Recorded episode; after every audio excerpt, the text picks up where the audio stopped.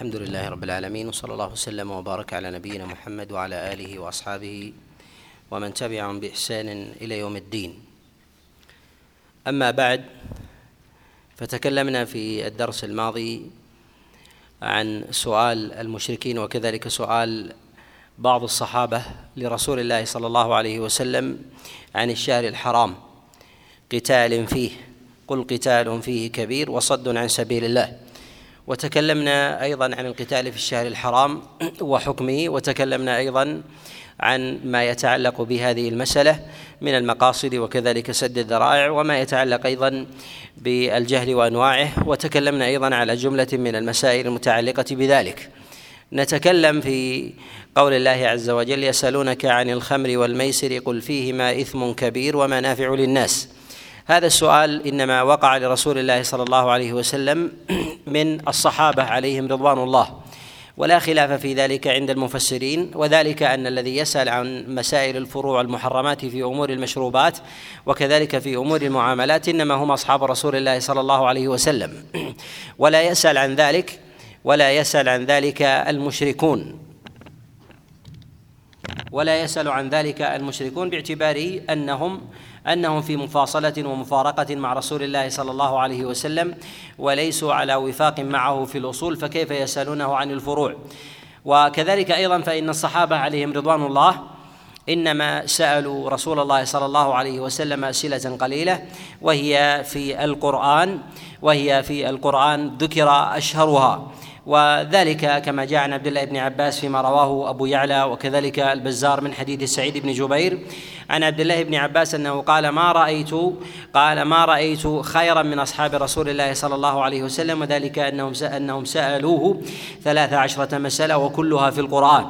وهذا السؤال من أصحاب رسول الله صلى الله عليه وسلم إنما قل على ما تقدم الكلام عليه أنهم لا يريدون من ذلك إحراج رسول الله صلى الله عليه وسلم برغبته ألا يحرج أمته ألا ينزل تحريم ألا ينزل تحريم لسؤال أحد من الصحابة عليهم عليهم رضوان الله. فيكونون حينئذ فيكونون حينئذ سببا لنزول شيء من التحريم لنزول شيء شيء من التحريم على رسول الله صلى الله عليه وسلم.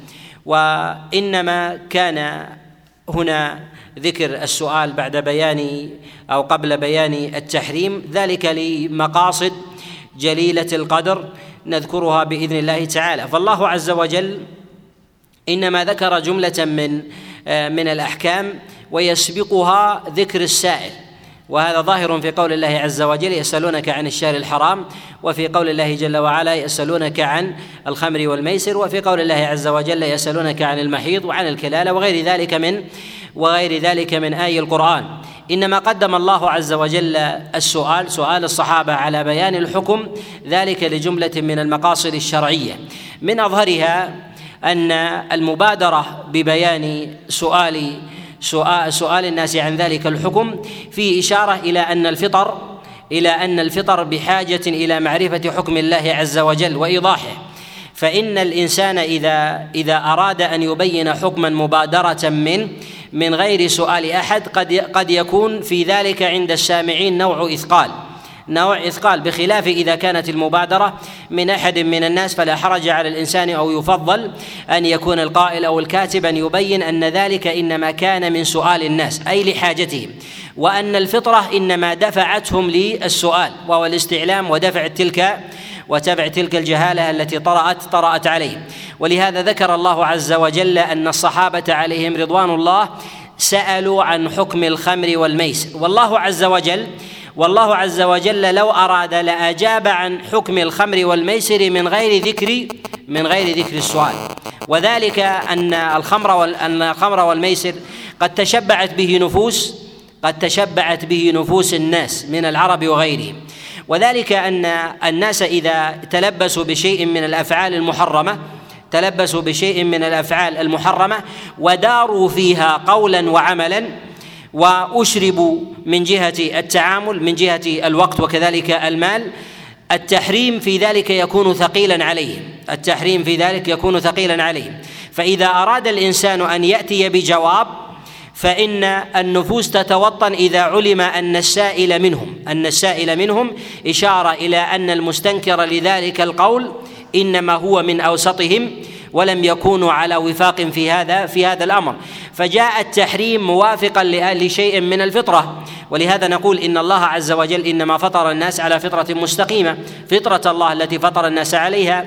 وفي قول النبي عليه الصلاة والسلام كما جاء في الصحيحين وغيرهما من حديث أبي هريرة قال ما من مولود إلا ويولد على الفطرة فأبواه يهودانه أو ينصرانه أو يمجسانه. إذا إذا جاء الدليل موافقا لفطرة الله عز وجل التي فطر الناس عليها أدعى إلى قبول الناس. والناس لا يسألون إلا إلا على شيء وجدوا في أنفسهم منه منه حرج. وجدوا منه حرج. ولهذا النبي صلى الله عليه وسلم يقول الإثم ما حاك في نفسك وكرهت أن يطلع عليه الناس. وهذه الآية توطين إلى أن الصحابة عليهم رضوان الله أن الصحابة عليهم رضوان الله وجدوا في أنفسهم من الخمر والميسر ما جعلهم يسألون رسول الله صلى الله عليه وسلم عن ذلك الحكم. اذا الله عز وجل إنما قدم السؤال بقوله يسألونك عن الخمر والميسر إشارة إلى توطين الفطرة إشارة إلى توطين الفطرة التي وجدت التي وجدت في نفوسهم فلما كانوا يستنكرون الخمر والميسر سألوا رسول الله صلى الله عليه وسلم عن عن حكم عن حكم ذلك وأن الحكم الذي أراد الله عز وجل بيانه لم يكن لم يكن موضع تسليم عند سائر عند سائر الفطر. ولهذا ولهذا الله جل وعلا قدم في جملة من المواضع عن الأسئلة الواردة على رسول الله صلى الله عليه وسلم كل كل بحسبه. وأظهر الأسباب في ذلك في هذا الموضع أنه لما كان الخمر والميسر محببا لديهم واشربوا من جهة التعامل في ميادينهم ودواوينهم ومجالسهم.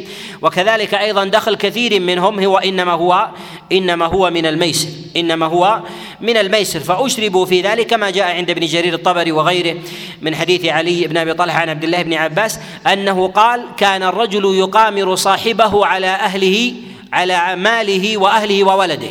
يعني على المال والزوجة والولد. يقوم بالمقامرة فإذا فإذا غلب أحد غيره سار بأهله وماله وماله وولده. وبقوا على هذا الأمر. وهذا التعامل الذي بقوا بقوا فيه واستمروا واستمروا عليه بحاجة إلى بيان إلى بيان حكمه. وبيان ذلك إخراجه منهم استنكارا هذا أدعى أدعى إلى قبولهم إلى قبولهم وإنصاتهم وأن الشريعة ما جاءت منفردة بتكليفهم وإنما هم بادروا باستنكار ذلك وإنما هم بادروا باستنكار باستنكار ذلك. وهذا من أساليب توطين الناس من أساليب توطين الناس على على أحكام الله عز وجل أن الناس يستنكرون هذا وأن الفطر الصحيحه تستنكر ذلك. وهذا يظهر في جملة من السياقات التي يأتي الكلام عليها وذلك في قول الله عز وجل فيهما إثم كبير ومنافع ومنافع للناس. يعني أن هذه الأمور موجودة من جهة الاستنكار لدى الناس وأن الإقرار وأن الإقرار بوجود الميزان بالخير والشر موجود في نفوس الناس. ولهذا ذكر الله عز وجل أن الإثم في ذلك أعظم أعظم من النفع. والقمار والخمر هي من كبائر هي من كبائر الذنوب. منها ما يتعلق منها ما يتعلق بالتعاملات وهو وهو القمار والميسر ومنها ما يتعلق ما يتعلق بالطعام والشراب وهو وهو الخمر. والخمر في لغة العرب هو ما ما غطى العقل وستره يعني حجبه عن أن ينتفع منه الإنسان. وكل ما يغطى يسمى خمر وكذلك أيضا خمار المرأة سمي سمي خمارا لأنه يغطيها ويسترها وكذلك أيضا فإن خمار تخمير الإناء يسمى تخميرا لأنه يغطى به ويستره فلا يرى ما في ما في جوفه. كذلك عقل الإنسان لا يرى من تصرفه ما يدل على وجود عقله لأنه تناول ذلك تناول ذلك الشرب فأسكره. وعلى هذا نأخذ أن العلة الشرعية في تحريم الخمر هو تغطية العقل. فكل ما سلب العقل كل ما سلب العقل فهو فهو خمر سواء كان مشروبا أو مطعوما أو كان مستنشقا أو ما كان يستعمل في غير ذلك مما يستعمل عن طريق الأوردة وغير والأبخرة وغير ذلك فهو من جملة من جملة المحرمات لأنه أدى إلى تلك العلة أدى إلى تلك العلة التي لأجلها حرم الله عز وجل ذلك المشروب وهو الخمر. ولهذا نقول إن كل ما يغطي العقل ويستره عن انتفاع الإنسان به فهو خمر يجري عليه في ذلك الحكم. وإنما الخلاف عند الفقهاء عليهم رحمة الله في مسألة إنزال الحدود الشرعية على كل ما غطى العقل وخامره. مما يغطي العقل من المخدرات وغير ذلك فهل كل ما يتناول ما يتناوله الإنسان من المخدرات من المخدرات أو المستنشقات أو ما يستعمله الإنسان عن طريق أوردته. هل ينطبق عليه الحدود الشرعية في الخمر؟ فيجلد في ذلك فيجلد في ذلك حد الخمر. هذا موضع خلاف عند الفقهاء. هل يدخل في ذلك القياس؟ أم لا أم لا يدخل. والعلماء انما إنما تباين قولهم في ذلك من الفقهاء من المتأخرين وغيرهم في مسألة إقامة الحد على على متناول غير المشروب من الخمر من المخدرات وغير ذلك. المعاصرة قالوا لأنها تعد أشد لأنها أشد ضررا على الإنسان. فلا تغطي العقل ثم يزول وإنما تغطي العقل وتبقي مفسدة في في بدن الإنسان. وتبقي مفسدة في بدن الإنسان. قالوا فهي أشد من ذلك. وعلى هذا فعلى هذا يقال إنه يقام الحد في ذلك كحد الخمر ثم يزاد على ذلك عقوبة. ثم يزاد على ذلك عقوبة وقال الفقهاء في ذلك على على ثلاثة. منهم من قال إنه يطبق عليه حد الخمر شارب الخمر ممن يتناول مما يتناول المخدرات. والقول الثاني من قال إنه يعزر تعزيرا ولا يلتزم بحد الخمر باعتبار أنه نوع منفصل منفصل عنه وإن اشترك معه في بعض الوجوه. القول الثالث قالوا إنه يقام عليه حد الخمر ولكنه يزاد عليه تعزيرا.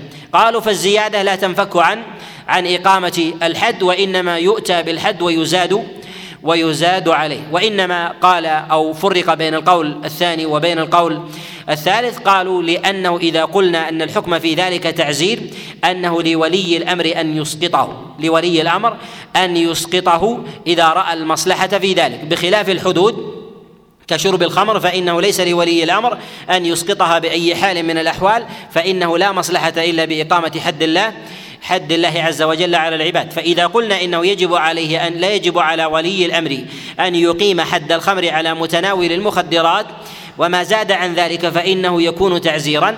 عليه نعلم أن تناول المخدرات لا يدخل في ذلك الإسقاط ولا النظر في المصلحة. وإنما يقام عليه حد الخمر وما زاد عن ذلك يكون ذلك هو التعزير.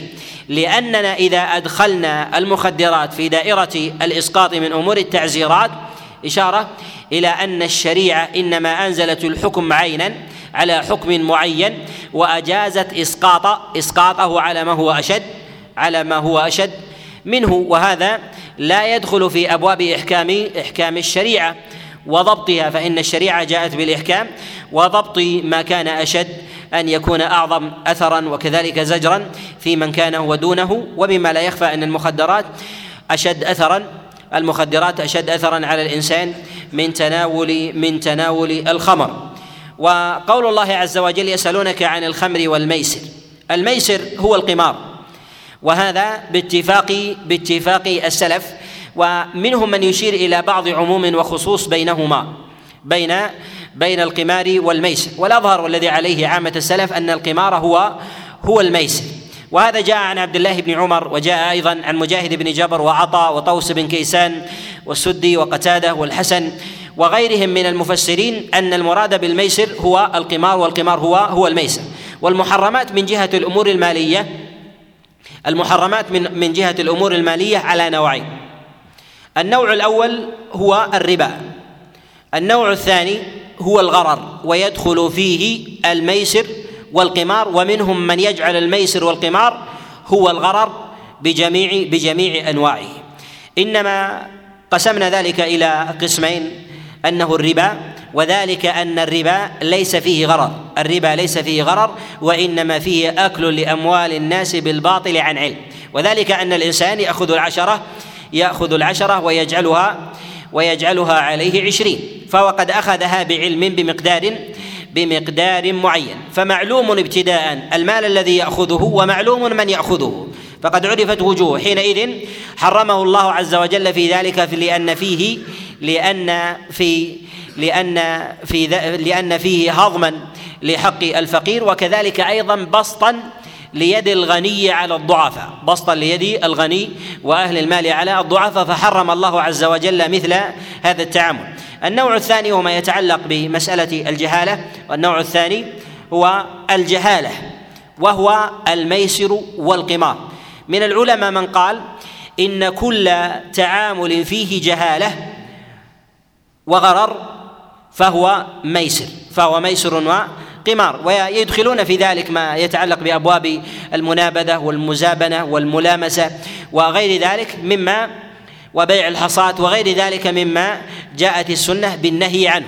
قالوا إنما نهى النبي صلى الله عليه وسلم عن ذلك لما يدخله من أمور الجهالة فهي تشترك في أمر الجهالة وحرم الله عز وجل الميسر لذات الجهالة الواقعة فيه لا لأنه لا لصفة معينة يتعامل بها يتعامل بها بها الناس. وهذا ظاهر وقد أشار إلى هذا المعنى غير واحد من العلماء كابن قتيبة وكذلك وله مصنف في ذلك في مسألة القمار والميسر وإدخاله في أبواب الجهالة والغرر وكذلك ابن القيم رحمه الله في كتابه الصواعق المرسلة فإنه بين وقسم ذلك على على قسمين. لهذا نقول إن الله عز وجل إنما حرم الربا في مواضع وحرم الجهالة والغرر في مواضع منها هذا هذا الموضع. فحرم الله عز وجل الميسر لهذه العلة لما فيه لما فيه من جهالة. والميسر إنما سمي ميسرا لأنه من اليسر وهو وهو الوجوب يعني أنه يجب الحق أن يعطى لصاحبه بمجرد ظهور ظهور بينة بينة عليه. وتلك البينة إما أن يكون ذلك بالمكعبات أو بالحصى أو كذلك أيضا ببعض الخرزات أو الجوز مما يرمي به به الناس ونحو ذلك فإنه إذا كان على صفة معينة أو على عدد معين فإنه يجب على على صاحب المال أن يدفعه له فيسمونه ميسر. ولهذا العرب تسمي تسمي من يتعامل بالميسر. قالوا يقولون ياسر ويسر. ياسر و ويسر من من واجب ووجب من واجب ووجب يعني وجب وجب الحق فيجب أن يعطى الإنسان أو يعطى صاحب الحق الحق إياه. وهذا على أنواع متباينة وتختلف صوره من زمن إلى إلى زمن. وله أحوال تتباين وإنما يستشكل على كثير من الناس لأن الناس يبتكرون يبتكرون الصور يبتكرون الصور. وأركان القمار والميسر أربعة وهي المال وجود المال في ذلك والمتضارب الأول في ذلك والمتضارب الثاني وكذلك اللعبة أو أو الحال والصورة التي التي يكون عليها عليها العمل. هذه الأركان الأربعة. في غالبها انها أنها لا تخرج عن الاركان عن الأركان الأربعة. الذي يوجد في كل زمن ويتحد هي ثلاثة أركان. يتحد في كل في كل زمن هي ثلاثة ثلاثة أركان. الركن الأول والثاني ووجود الطرفين أو أكثر من ذلك. الأمر الثالث هو وجود وجود العوض على صورة جهالة.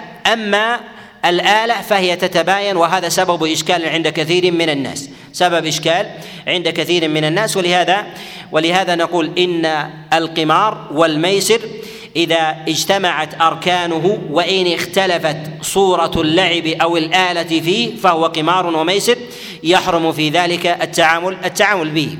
سواء كان ذلك عن طريق المسابقة سواء كان ذلك عن طريق المسابقات الإلكترونية أو كان ذلك من الأمور المحدثة أو كان ذلك عن طريق الاتصالات وهي من الأمور المحدثة أو جمع أرقام وغير ذلك أو الاتصالات على بعض القنوات الفضائية يجمع الإنسان حصصا ثم تكون لواحد معين أو كان ذلك عن طريق الحصى أو عن طريق بعض الألعاب.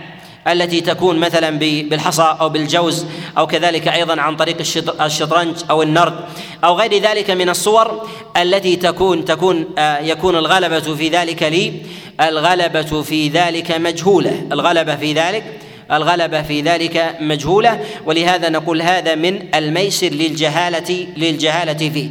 ولو علمنا مقدار المال الفرق بينه وبين وبين الربا أن الربا علمنا فيه مقدار مقدار المال وعلمنا فيه مستحق المال مستحق المال. أما بالنسبة للقمار والميسر عرفنا فيه مقدار المال ولكن جهلنا مستحق مستحق المال فوقع حينئذ التحريم فوقع حينئذ فوقع حينئذ التحريم. لأننا لو علمنا مستحق المال فخرج من الإنسان بطيب نفس منه لكان ذلك هدية وعطية وأصبحت تلك اللعبة ونحو ذلك إنما هي إنما هي عبث في استحقاق في استحقاق المال في استحقاق المال. لهذا نقول إن الإنسان قد يعطي ماله غيره فيعطيه مثلا دينار أو مئة دينار أو ألفا أو غير ذلك. فحينئذ عرف المقدار وعرف الذي أعطاه أعطاه المال عينا فهذا جائز من جملة الهدايا وأما إذا كان الإنسان يجهل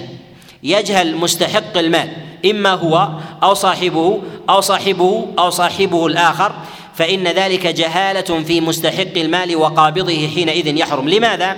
لأن الجهالة مدعاة لي للشحناء والبغضاء كل يتشوف إليه. بخلاف لو عرف الذي يعطى المال لم تتشوف النفوس إليه وانما وإنما تتشوف إليه نفس واحدة عرفت. ولهذا يجوز للإنسان أن يعطي غيره هدية ألف دينار ولا يجوز له أن يقامر على درهم واحد. ولا يجوز له أن يقامر على درهم واحد. ولهذا من يعلل جواز الميسر والقمار أنه خرج بطيب نفس منه خرج بطيب نفس منه أن يعطيه. نقول دافع المغالبة والجهل في ذلك هو الذي لأجله حرم الله عز وجل الخمر والميسر. الخمر والميسر ولهذا جعل الله عز وجل من علل تحريمه وحسمه للأمر وحسمه لأمر الخمر والميسر أن الشيطان يريد أن يجعل بين المسلمين البغضاء في الخمر والميسر. ما هي البغضاء؟ هو ما النفوس إذا تشوفت إلى حظ وتغالبت عليه ثم غلب واحد عليه وقع في ذلك في نفس الإنسان على من غلبه على من غلبه ولهذا جازت الهدية بطيب نفس ولو علت وحرم حرمت الجهالة وحرمت الجهالة والغرر ولو كان ولو كان أمرا أمرا يسيرا. وأشد أنواع الميسر هو الميسر في زماننا. الميسر في زماننا. وهو الميسر الذي يستعمل عن طريق الاتصالات وغير ذلك. وذلك وذلك لأن الرابح الرابح معلوم. الرابح الرابح في ذلك في ذلك معلوم. والخاسر في ذلك هم الكثرة. الخاسر في ذلك هم الكثرة. وذلك تأتي شركة أو قناة فضائية أو مثلا قناة اتصالات عن طريق الجوال أو غير ذلك أو موقع من مواقع الشبكة أو غير ذلك. يقوم مثلا بتحديد أمر معين في مسألة في مسألة جمع المال فيقول أن الناس يتصلون ويأخذ من كل متصل مبلغ مبلغ معين. هذه المبالغ ثمة رابح مؤكد. رابح مؤكد من هو؟ صاحب الشركة رابح مؤكد يعطي بعض ماله لأحد لأحد أولئك لأحد أولئك. إذا ثمة رابح مؤكد أخذ المال بيقين ويصبح ذلك ربا وميسر يصبح في ذلك ربا ربا وميسر. أما الربوية في ذلك فهي فهي ظاهرة لأنه أخذ المال قسرا أخذ المال أخذ المال من من الناس من الناس قسرا. أما بالنسبة للجهالة والغرر في ذلك هو ما يتعلق بإعطائه واحد على سبيل على سبيل الظن لا على سبيل القطع. فنقول حينئذ إنه وقع فيه صورة في الربا ووقعت فيه صورة من من الميسر فكان أشد تحريما وأعظم إثما عند الله عند الله سبحانه سبحانه وتعالى. ولهذا نقول إن الميسر لا حد لا حد له. إن الميسر لا لا حد له من جهة الصور وكذلك أيضا الآلات التي يتعامل بها بها الناس. ولأجل ذلك حرم الله عز وجل حرم الله عز وجل بكلام رسوله صلى الله عليه وسلم النردشير.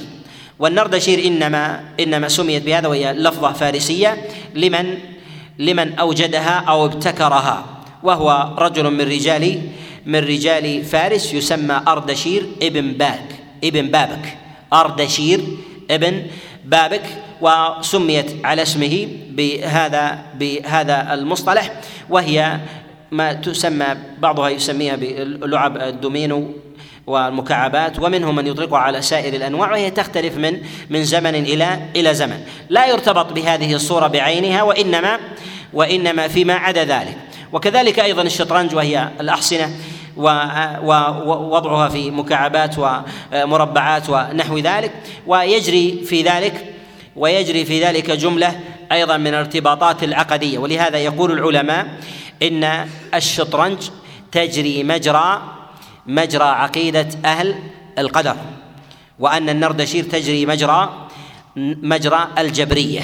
الجبرية الذين يرون أن الله عز وجل يجبر العباد. إنما كانت الشطرنج لأن الشطرنج فيها تحريك فيها تحريك ذهن. فالإنسان يغالب صاحبه ليخرج ليخرج بنتيجة. وتحريك الذهن في ذلك هذا يجري غالبا على مجرى أهل القدر الذين ينفون قدر الله عز وجل وأن الإنسان يخلق فعله ويبتكره وهو يوجد النتائج منفصلا عن ربه عن ربه سبحانه سبحانه وتعالى.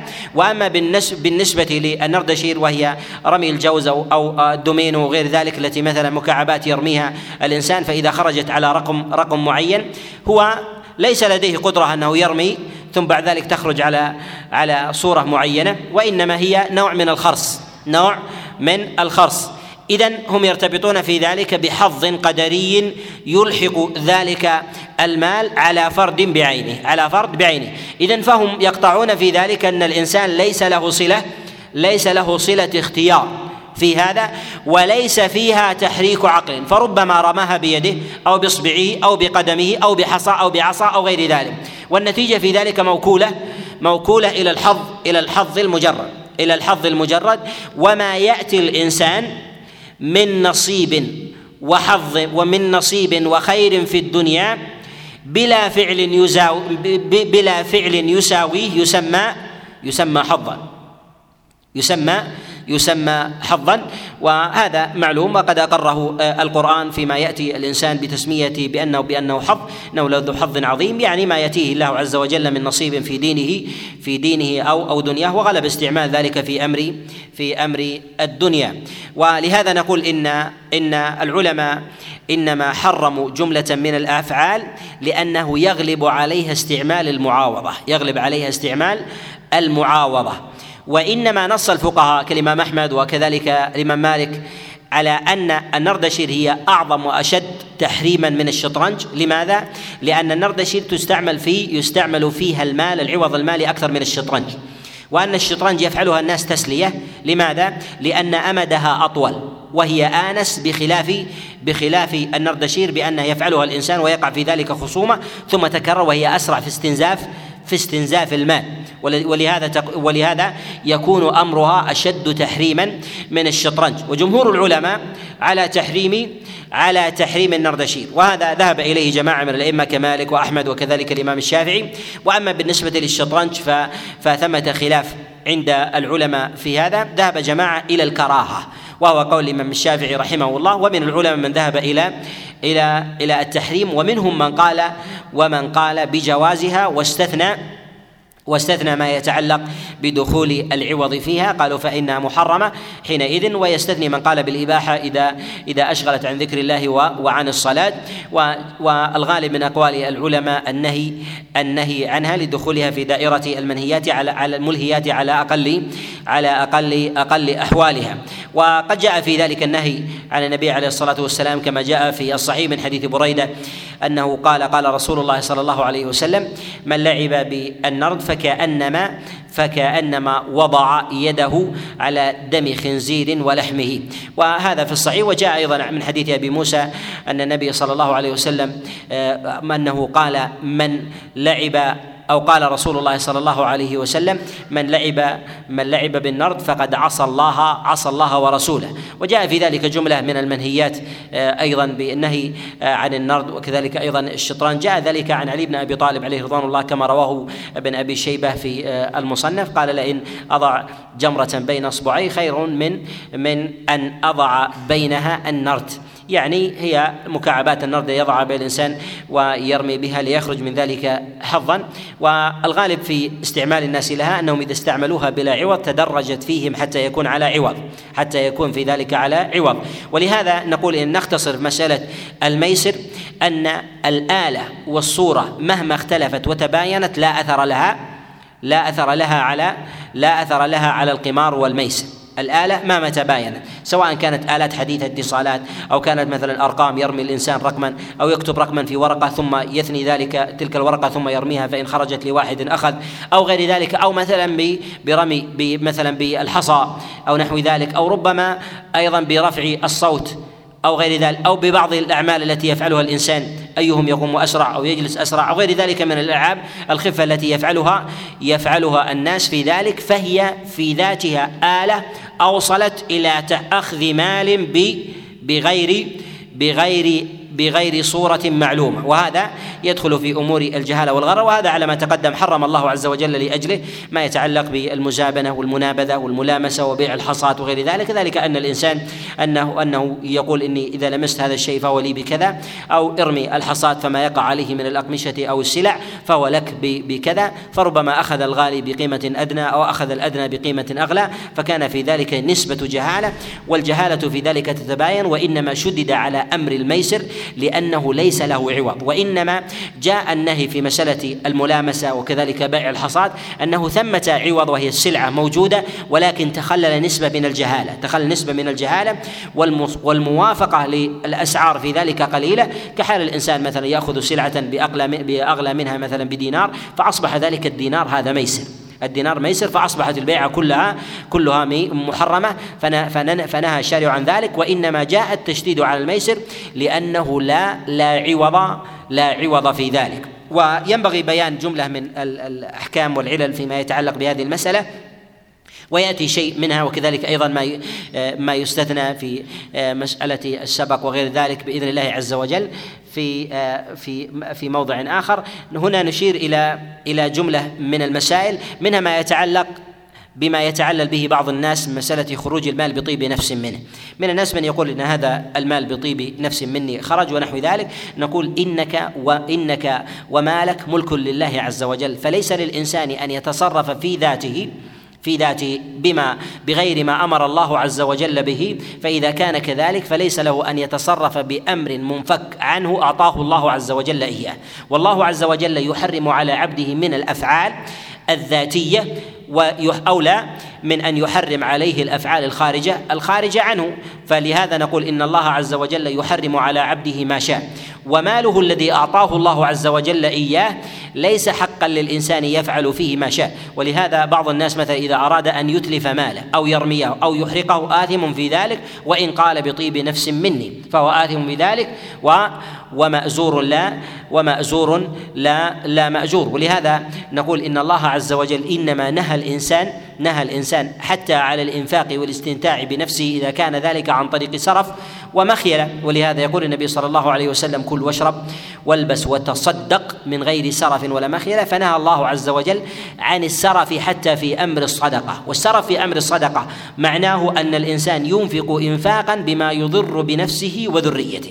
بما يضر بنفسه وذريته فجعله الله عز وجل سرفا. لماذا؟ لأنه اختل ميزان ميزان المال. فالله عز وجل أعطاك المال وخلقك وخلق العقل وأمر الإنسان أن يزن المال أخذا وعطاء على وفق مراد الله جل وعلا وجعل له دائرة المباح في ذلك في ذلك عظيمة. ولهذا نخرج ما يتعلق بالمساله بطيب نفس منه ونحو ذلك. ثم أيضا أن الشريعة إنما تحرم كثيرا من الأحكام الشرعية فيما يتعلق ببعض المحرمات كالربا وغير ذلك بالربا وغير ذلك قطعا لما يرد من شر يقيني. ولو لم يرد في كل صورة فإنه يرد يرد في في غيرها من الصور فيقطع الشارع دابر الشر في ذلك. فمن الناس من يقول أتعامل بالربا بطيب نفس مني. على هذا يجوز الربا أن يأخذ الإنسان مثلا قرضا بمئة ويريد من ذلك أن يدفعه بمئة وعشرين. هل له إذا رضي في ذلك أن أن يحلل ما حرم الله؟ نقول رضا النفس لا علاقة لها في في إحلال ما ما حرم الله عز وجل. كذلك أيضا ما يتعلق بالزنا أن يزني الإنسان بامرأة برضا الطرفين. هذا لا اعتبار له في حكم الله عز وجل. فالله عز وجل جعل الأحكام وأوجب على الإنسان أن يمتثل أمر الله أمر الله سبحانه سبحانه وتعالى. المسألة الثانية التي نشير إليها أن أن الصحابة عليهم رضوان الله حينما سألوا رسول الله صلى الله عليه وسلم عن الخمر عن الخمر والميسر. سألوه عن هذين الأمرين. قد يكون السؤال قد يكون السؤال في سياق في سياق واحد أو في سياق منفصل فجاء الجواب فجاء الجواب مجتمعا. جاء الجواب الجواب مجتمعا ذلك لبعض العلل. من ذلك والله أعلم أن التحريم إذا جاء إذا جاء مرة واحدة أقرب إلى التيسير مما إذا جاء مفرقا. فإنه أيسر على النفس إذا بينت الأحكام مرة واحدة من جهة وقعها على النفس خاصة فيما يتشرب على على الإنسان. فالإنسان إذا حرم عليه شيء اليوم ثم حرم عليه بعد ذلك ثم حرم عليه بعد ذلك ثم حرم عليه بعد ذلك محرم فإن هذا أشد في على نفسه مما لو حرم عليه مرة مرة مرة واحدة واجتمع ذلك في في أمر في أمر واحد فإن ذلك يزول. وهذا ليس على اضطراده وإنما يأتي في بعض الصور من جهة من جهة الأفعال و يختلف عنه في بعض الصور ولهذا جاءت الشريعة بالتدرج في كثير من الأحيان وجاءت في الإجمال في بعض في بعض الأحيان. ومن وجوه الاقتران هنا أن الشارع إنما أراد أن يبين أن يبين وجود الشر في هذين لا إقرار التحريم لا إقرار التحريم حتى تنفر النفوس منهما على على السواء وذلك وهي النفوس الورعة قوية الإيمان والناس في ذلك يتباينون. ولهذا النبي صلى الله عليه وسلم لما سئل عن ذلك جاءه الجواب من ربه. وفي هذا إشارة إلى أن النبي صلى الله عليه وسلم إنما هو مبلغ عن الله. ولو كان لديه جواب قبل إتيان هذه الآية لأتى به الرسول صلى الله عليه وسلم مستقلا ونهاهم عن ذلك. وإنما انتظر أن يأتي في ذلك أمر الله أمر الله جل جل وعلا. ولهذا قال الله سبحانه وتعالى قل فيهما يعني قل يا محمد فيهما إثم كبير ومنافع ومنافع للناس. هذا فيه إشارة إلى أن إلى مسألة التدرج في بيان التدرج في بيان الأحكام وكذلك تطبيقها تطبيقها على المجتمعات البعيدة البعيدة عن الحق. النفوس إذا تشربت الحق بجميع أنواعه ينبغي إذا تشربت الباطل بجميع أنواعه ينبغي أن توطن على بيان على بيان التحريم. وهي في ذلك متباينة. منها ما, ما هي في ظلمات بظلمات الشرك والجهالة وموغل في الشر. ينبغي أن يحرم أن يبين التحريم عليها بالأعلى. أن يبين التحريم عليها بالأعلى من جهة تطبيقه. أما من جهة إقرار الشريعة للناس فإنها تقر كاملة. لا يقال هذا الأمر مباح أو ماذون أو مأذون به وإنما يبلغ ما هو ما هو اولى أولى من ذلك من جهة المحرمات. فيوطن الناس على نهي النهي عن الشرك وتزال معالمه وكذلك أيضا وكذلك أيضا يدعى إلى التوحيد ثم أركان الإسلام ويسكت عما زاد عن ذلك. والسكوت عن ذلك لا يعني طمسا لي للإسلام وانما وإنما تدرجا. وإذا سأل من سأل عن شيء من أحكام الإسلام ولو دقت فإنه يجاب عن ذلك يجاب عن ذلك عن ذلك الحكم. والحكمة في أن الله عز وجل ما حرم الخمر ابتداء والميسر ابتداء. ذلك لجملة لجملة من العلل. منها ما تقدم الإشارة إليه والعلة الأولى أن الخمر والميسر تشربت فيه نفوس الناس فأصبح في ميادينهم. ويتناولون ويتداعون إلى إلى الخمر كما يتداعى الناس إلى شرب العصير في أزمنتنا. ومثل ذلك تحريمه ثقيل عليهم.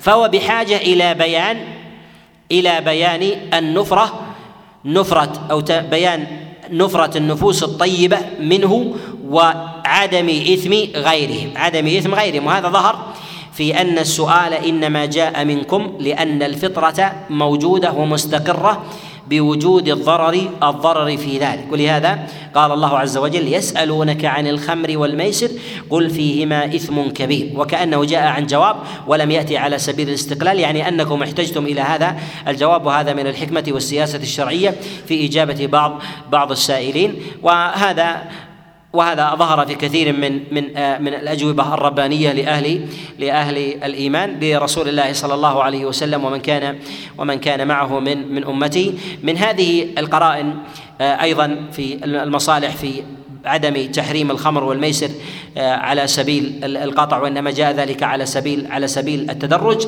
هو تكثير سواد أهل الحق وتقليل سواد أهل الباطل. الناس في الإيمان يتباينون. كما أن الصحابة عليهم رضوان الله يتباينون أيضا من جهة الصحبة. منهم الكمل ومنهم دون دون ذلك. وإن اشتركوا في دائرة الفضل وإن اشتركوا في دائرة في دائرة الفضل. ولهذا نقول إنهم ليسوا في مرتبة واحدة. وإن كنا نقر بفضلهم على من جاء بعدهم على من جاء بعدهم فهم بالمنزلة والمرتبة والمرتبة العلية. وفيهم أيضا من من كان من المنافقين ممن دخل في صفهم وهم قلة وفيهم أيضا ممن من الأعراب الذين بعيد الذين هم على بعد عن رسول الله صلى الله عليه وسلم وعلى قلة على قلة بمخالطة رسول الله صلى الله عليه وسلم ونالهم شيء من شيء من ذلك من ذلك العمل. وهذه الآية ترفع قوي الإيمان منهم عن الإقلاع. وذلك تكثير لسواد أهل الحق. فيقلعون ويبقى قله حتى إذا جاء التحريم لم يجد من كان ضعيفا. في ذلك من يؤازره ممن هو أقوى منه فيعتضد فيعتضد به. وهذا فيه من السياسة الشرعية أنه ينبغي للإنسان في حال التشريع والتعامل مع الناس أن يحرص على على جلب العلية وأهل الإيمان إليه ليؤازروا أهل الإيمان ليؤازروه عند عند الأمر الأمر الشديد. ولهذا رسول الله صلى الله عليه وسلم بين لهم أمر الله عز وجل ابتداء بأن الخمر والميسر فيهما إثم كبير ومنافع ومنافع للناس وأن هذه المنافع تتباين من جهة مقدارها مع مع تلك المفاسد والآثام التي جعلها الله عز وجل في هذين في هذين الأمرين. كذلك أيضا من المسائل المهمة في هذا أنه ينبغي في حال إنكار المنكر الذي يستوطن عليه الناس ويتشربوه أن ان لا ينفي الإنسان المصالح أو المنافع فيه جملة. الا ينفي المنافع فيه فيه جملة. قد يقول قائل مثلا إن في بعض الدول مثلا آه، الربا ينتشر وتوطن الناس عليه من جهة التعامل أو غيب عنهم ذلك أو نحو ذلك. ويقولون إن معاملاتنا الاقتصادية والدولية لا تكون ولا تستقر ولا تستقر إلا على التعامل بالربا ولو شيء ولو شيء يسير. نفي ذلك كله يعني يعني أن من يقابل ذلك الدليل يجب أن يغيب عن تلك المنفعة التي يراها بعينه. التي يراها يراها بعينه. وهذا يدفعه إلى تسفيه الحجة التي تأتي بها لأنك تغلق شيئا يراه. تغلق شيء يراه. بين له أن ما تراه صحيح. ولكن ما خفي عليك أعظم. ولكن ما خفي عليك أعظم وهو تحريم الله عز وجل عز وجل لذلك. وهذا يظهر كثيرا فيما يتعلق بتعاملات الناس في الأمور المحرمة. ولهذا مع كون الخمر هي أم الخبائث إلا أن الله سبحانه وتعالى قال فيها فيهما إثم كبير ومنافع للناس. يعني أن المنافع موجودة في آه، موجودة في أسواقكم موجودة في أموالكم من جهة المضاربة فإنهم فإنهم يضاربون في ذلك يستعملون التمر ويخمرونه وكذلك العنب ويخمرونه والدب وغير ذلك من من الأطعمة ويتاجرون في ذلك فهذا فيه شيء من شيء من المنافع أقر بوجودها بوجودها الشارع. ولهذا نجد أنه بعد توطين الشريعة وظهور الأدلة لا وجود لذكر هذه المنافع على الإطلاق. لماذا؟ لأنه يجب أن تلغى. يجب ان أن تلغى. ولهذا ينبغي لنا أن نفرق في المجتمعات الإسلامية أو نفرق بين المجتمعات والمجتمعات على نوعين. مجتمعات توطنت وتشربت شرا من الشرور حتى حتى أشربت في قلوبها من جهة العمل والتعلق. فهذه تختلف عن غيرها. تؤتى من جهة الخطاب على سبيل التوطين ويبين أن ما يقرون به من مصالح صحيح ولكن من المفاسد ما خفي عليكم ينبغي أن تعلموا فتبين تلك تلك المفاسد. ومجتمعات إسلامية ظهر فيها حكم الله عز وجل ووجد من ينازع في أمر الشر وجد من ينازع في أمر الشر وهم وهم قلة وهؤلاء لا يبين معهم منافع منافع الخمر. ولا منافع ولا منافع الربا ولا منافع الميسر وغير ذلك. ولهذا نجد أن النصوص عن رسول الله صلى الله عليه وسلم بعد إنزال هذه الآية ما جاءت في ذلك إلا ببيان إلا ببيان حرمة الخمر قطعا. والتشديد في ذلك. وجعلها من الموبقات كما جاء في حديث أبي هريرة أن رسول الله صلى الله عليه وسلم قال اجتنبوا السبع الموبقات يعني المهلكات فيه خطاب خطاب تشديد. وهذا وهذا يختلف من حال إلى حال ولهذا نقول إنه ينبغي للداعي إلى الله وينبغي للمعلم أن يفرق بين مواضع المتلقين بحسب بحسب حالهم ويوجه إليهم ويوجه إليهم الخطاب بما لا يعطل حكم الله سبحانه وتعالى. مسألة إنزال الخطاب في ذلك إذا كان لا يعطل حكم الله عز وجل من جهة ظهور التحريم. الإنسان في مجتمع المجتمعات إذا كان يخاطب قوما قد دلس عليهم وغيب عليهم آه، حكم الله سبحانه وتعالى. ليس لهم أن يقول إن فيهما إثم كبير ومنافع للناس إشارة إلى إلى الترخيص بل ينبغي له أن يبين أن الله سبحانه وتعالى حرم ذلك يوجد منافع وكذلك أيضا مفاسد في ذلك لكن المفاسد في ذلك أعظم. ولأجلها حرم حينئذ يأتي بما بما سلكه رسول الله صلى الله عليه وسلم مع أصحابه اولا ثم كذلك أيضا يبين بعد ذلك مسألة التحريم على سبيل آه، القطع. فلا يغير حكم الله عز وجل بعد استقراره. فالله سبحانه وتعالى قد جعل الدين كاملا. وهذا يظهر في قول الله عز وجل اليوم أكملت لكم دينكم وأتممت عليكم نعمتي. فلهذا جاء البلاغ في زمن الخلفاء الراشدين كأبي بكر وعمر وعثمان وعلي بن أبي طالب. ومن جاء بعدهم من أمة الإسلام لم يفتحوا بلدا من البلدان. ثم يخبروا من دخل في الإسلام أن أن الأمر في ذلك على التخيير فما تدرجوا معهم كما تدرج ابتداء لأن الشريعة كملت. وإنما من جهة الخطاب يكون فيه لين وشدة. يكون فيه لين وشدة وأما المؤدى من جهة التحريم في ذلك في ذلك واحد. وكذلك أيضا من المسائل في هذا مسألة الموازنة. مسألة الموازنة وهذا ظاهر في قول الله جل وعلا قل فيهما إثم كبير ومنافع ومنافع للناس وإثمهما. يعني أن الإثم في هذين الأمرين وهي الخمر والميسر أكبر من من نفعهما. يعني أن النفع موجود ولكن الضرر في ذلك والإثم الذي يلحق آه، الإنسان آه، الإنسان في ذلك عظيم. وهنا استعمل في مسألة في مسألة آه، في مسألة النفع لفظ النفع وأما بجهة الضر ما قال أتى بالضر في ذلك وإنما جاء جاء بالإثم جاء بالتأثيم جاء بالتأثيم. إشارة إلى إلى معنى أن النفع في ذلك إنما هو نفع مادي محض. نفع مادي مادي محض. وأما ما حرم لأجله فعلل غيبية ربما لا يدرك كثيرا منها الناس. ولهذا الله عز وجل إنما نهى عن الخمر والميسر فأقر بوجود النفع الدنيوي وبين أن ثمة حكما حكما شرعيا حرمه الله عز وجل. منه ما يغيب عن الإنسان وهو الأغلب ومنه ما يظهر ما يظهر للناس. ولهذا استعمل ما كان قاصدا ما كان من مقاصد التحريم الإثم في ذلك. قل فيهما إثم كبير ومنافع للناس. والمنافع إنما المقصود بذلك هي هي الدنيوية. ولهذا نقول إن العلل التي تحل لها الشريعة تحل تحل لها أحكام الشريعة القطعية الثابتة في التحريم إنما هي علل قاصرة. ينبغي للإنسان أن يكل الأمر إلى الله سبحانه وتعالى وما يتعلق بجانب التأثيم. كذلك أيضا في إشارة إلى أنه ينبغي للإنسان عند بيان أحكام الله عز وجل أن يظهر جانب جانب الترهيب. جانب الترهيب والوعظ والتخويف من عقاب الله سبحانه وتعالى وأن لا يغلب على الإنسان الأسلوب المادي المصلحي النفعي الدنيوي مما يتعلق بتحريم الربا ثم يتسلسل في مضار مضار الناس في الاقتصاد مضار الناس أيضا في في هضم المال ثم يغيب جانب جانب عقوبة الله سبحانه وتعالى. في ذلك ولهذا الله سبحانه وتعالى حينما حرم الخمر ذكر الإثم المتعلق بالله سبحانه وتعالى في مؤاخذته لعباده.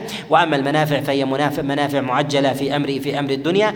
وهذا وهذا الأمر هو الأسلوب الشرعي في ذلك بخلاف ما يجري عليه كثير آه، من بعض الدعاة والمثقفين والكتاب والمفكرين الذين يسلكون الأسلوب النظري المجرد النفعي الجمع بين النفع والضر والأسلوب المادي النسبي المئوي ونحو ذلك يأتون بنسب المتضررين وغير ذلك ويجردونها من الأدلة. كنوع من الإقناع هذا من الأساليب الخاطئة التي تحاول أن تجعل العقل حكما مجردا على نصوص الشريعة حكما مجردا على نصوص الشريعة وهذا من الخطأ. الشريعة ما عطلت العقل ولكن جعلت له نظرا وهذا النظر قد يقصر عن فهم مراد الله عن فهم مراد الله سبحانه وتعالى. ولهذا نقول إن الله جل وعلا قد جعل علم علم الإنسان وإدراكه هو قريب من جهة حجمه من جهة من جهة الكون. فلا يستطيع الإنسان أن يبسط يده على الكون كذلك لا يستطيع أن يبسط عقله على على الكون. فربما غاب عنه كثير من أحكام الله سبحانه وتعالى فيجب عليه أن يسلم. لهذا ينبغي في حال الخطاب في بيان أحكام الله عز وجل أن تورد الأدلة ويورد حكم الله سبحانه وتعالى والتحذير من مخالفته باعتباره رب. خالق يقدر يقدر الأحكام. ويقضي بها كما أراد ويجب على العباد ببيان قيمتهم أنهم مخلوقون لله أن يمتثلوا أمر الله عز وجل ثم يشار إلى شيء من من المقادير أو العلل أو النسب أو الأمور المادية أو غير ذلك فهذا من الأمور التي جعل الله عز وجل أمرها أمرها إلى إلى السعة والأمر في ذلك والأمر في ذلك حده غير غير منضبط وأمره إلى أمره إلى الإنسان من جهة إدراك وسعة وسعة علمه وهذا يختلف أيضا فيه تختلف فيه أحوال الناس بحسب البلدان وبحسب أيضا أنواع المخاطبين وهذا للأسف الشديد اضطرب فيه كثير من الناس والخطاب المادي وتطويع الماديات الشريعه تطويع الماديات الخطاب المادي ليتوافق مع الشريعة والمبالغة في ذلك. وهذا يعطي إيحاء للعقول أنكم لا تؤمنوا إلا بما وجدت فيه العلة. العقول تقيس فإذا جاء حكم وأشبع أن الشريعة لا لا تحرم شيئا إلا ما اقتنعت به تاما فهذا يجعلك تتسلسل أن كل ما لا تقتنع به عليك ان أن تتراجع عنه. قد يعجز الإنسان عن إثبات علة لقصور عمر الإنسان عن سبر أحوال الكون واضرارها وغير ذلك. ولهذا تجد الأطباء وتجد أيضا وتجد مثلا آه، أهل الماديات ونحو ذلك يصبرون لسنوات حتى يخرجوا ضرر نبتة واحدة أنها ضارة.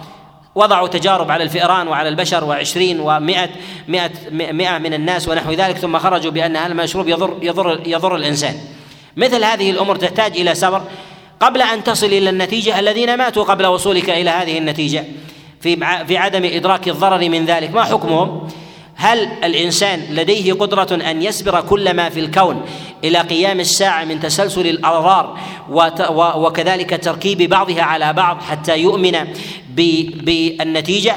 ثم أيضا إذا أدرك قبل ذلك بعد عشر سنوات وعشرين ما حكم عمله قبل ذلك؟ هل يدخل في دائرة التأثيم أو لا يدخل؟ والضر الذي لحق الناس في ذلك لهذا قضى الله عز وجل على الناس أن يؤمنوا بما أحل الله وما حرم الله ما أحله أنه لا يكون إلا خيرا وما حرمه الله لا يكون إلا لا يكون إلا شرا. ولكن الإنسان عاجز عن سبر أحواله وقرائنه أن يخرج بنتيجة تؤدي إليه إلى ما أمر الله سبحانه وتعالى. ولهذا القصور إنما هو في عقل في عقل الإنسان وهذا ظاهر ما ينبغي للإنسان بمعرفة ميزان عقله وإدراكه وإدراكه وما جعله الله عز وجل له. الله عز وجل لم يعطل العقل بالكلية ولكن جعل له حدا للإنسان بصر ولهذا البصر حد ليس له أن ينفي ما, ما كان خارجا عنه وله سمع ليس له أن ينفي الأصوات التي لا تصل إليه. كذلك أيضا من جهة حسه وعقله ليس له أن لا يؤمن بما لا يستوعبه عقله. وإذا آمن وإذا نفى جدوى ونفع وضر ما لا يؤمن ما لا يؤمن به العقل ولو أمر الله عز وجل به فهذا فهذا يناقض الفطرة البشرية أيضا. فإن الناس يؤمنون بشيء أنت لا يسمعون شيئا لا تسمعه ويرون شيئا لا تراه. فعلى هذا يكون الحقيقة تتجزأ. تنتفي في موضع وتوجد في موضع آخر. وهذا لا يجري على لا على المنطق ولا على ولا على العقل. ولهذا نقول إن الإنسان إذا أذعن بعلم غيره إذا أخبره بما لا يدركه من مسموع أو مبصر أو محسوس أو مدرك بالعقل فعليه أن يؤمن أن الله عز وجل إذا أخبره بأمر فهو على علم تام كامل لا يخالجه في ذلك نقص أو قصور فيجب عليه أن يذعن وأن يسلم لأمر الله لأمر الله سبحانه سبحانه وتعالى. والله جل وعلا أيضا في قوله في في قوله قل فيهما إثم كبير ومنافع للناس. أراد الله سبحانه وتعالى أن يبين علمه جل وعلا أن هذه المنافع هي موجودة للناس وأنها ليست ليست لفرد بعينه وإنما ولكنها للناس كافة ولكن الله عز وجل إنما نقض ذلك لأن لأن الإثم في ذلك أكبر أكبر من من نفعهما. وهذا فيه مسألة تقدم الإشارة إليها على سبيل الاقتضاب وهي مسألة آه، التدرج في مسألة البلاغ. جاء عن عمر بن عبد العزيز عليه رحمة الله أنه قال إنك لا تبلغ الناس الإسلام جملة إلا وتركوه وتركوه جملة. وهذا في مسألة البلاغ لا بمسألة التبديل. ليس لك أن تجزئ الشريعة فتأتي بالصلوات تأتي بصلاة أو صلاتين أو ثلاثة من جهة تعليم الناس. هذا من جهة التعليم ينبغي الإنسان أن يعلم. ولكن من جهة العمل والتطبيق فإنه يتباين الأمر الأمر في ذلك. وهذا ما ينبغي للناس أن يفرقوا أن يفرقوا بينه. في مسألة التشريع ليس للإنسان أن أن يبدل في شريعة الله. في مسألة العمل عمل الناس له أن يرفع وأن يخفف عن عن أقوام حدثاء حدثاء عهد حدثاء. عهد وهذا يتباين فيه الناس كحال الإنسان مثلا إذا وجد بلدا من البلدان قد أكثروا من من الخمر يحرم عليهم الخمر وييسر لهم في مسألة في مسألة النبيذ. إذا كان يرى إذا كان يرى كراهيتها أو شدة كراهيتها ونحو ذلك ييسر لهم في ذلك. ثم بعد ذلك يحرم عليهم ذلك الأمر وهذا ظاهر في هذا. وأما مسألة تحريم الخمر والميسر والعلة في ذلك وكذلك أيضا في مسألة أنواع المنافع وتحريم الله عز وجل بعد بعد ذلك فهذا يأتي في غير هذا الموضع بإذن الله تعالى. كذلك أيضا نشير إلى شيء من معاني السبق الذي تكلم عليه العلماء والترخيص في ذلك. ونتكلم أيضا على على ما تكلم عليه الفقهاء في مسألة التعامل بالرهان وكذلك أيضا بالربا مع الكافر هل يجوز أو لا يجوز؟ وكلام الفقهاء في هذه في هذه المسألة. وإجماعهم على مسألة أهل الإسلام آه، حرمة ذلك فيما بينهم. وأما ما عدا ذلك في مسألة الربا هل يجوز أن يتعامل به المسلم فيما هو منفعته له إذا كان ذلك من كافر أم لا؟ وخلاف العلماء في ذلك. كذلك أيضا الرهان بأنواعه فيما يتعلق بالرهان في مسائل العلم وكذلك أيضا الرهان في آه، في آه، في المسابقه المسابقة وكذلك أيضا الخف وكذلك أيضا في الرمي وغير ذلك مما تكلم عليه العلماء وما يدخل في دائرة هذه هذا الجواز وصوره. وهذا يأتي معنا في قول الله عز وجل يا أيها الذين آمنوا إنما الخمر والميسر والأنصاب والأزلام رجس من عمل من عمل الشيطان فاجتنبوه. نتكلم في ذلك على التفصيل بحوله وقوته. والله أعلم وصلى الله وسلم وبارك على نبينا محمد.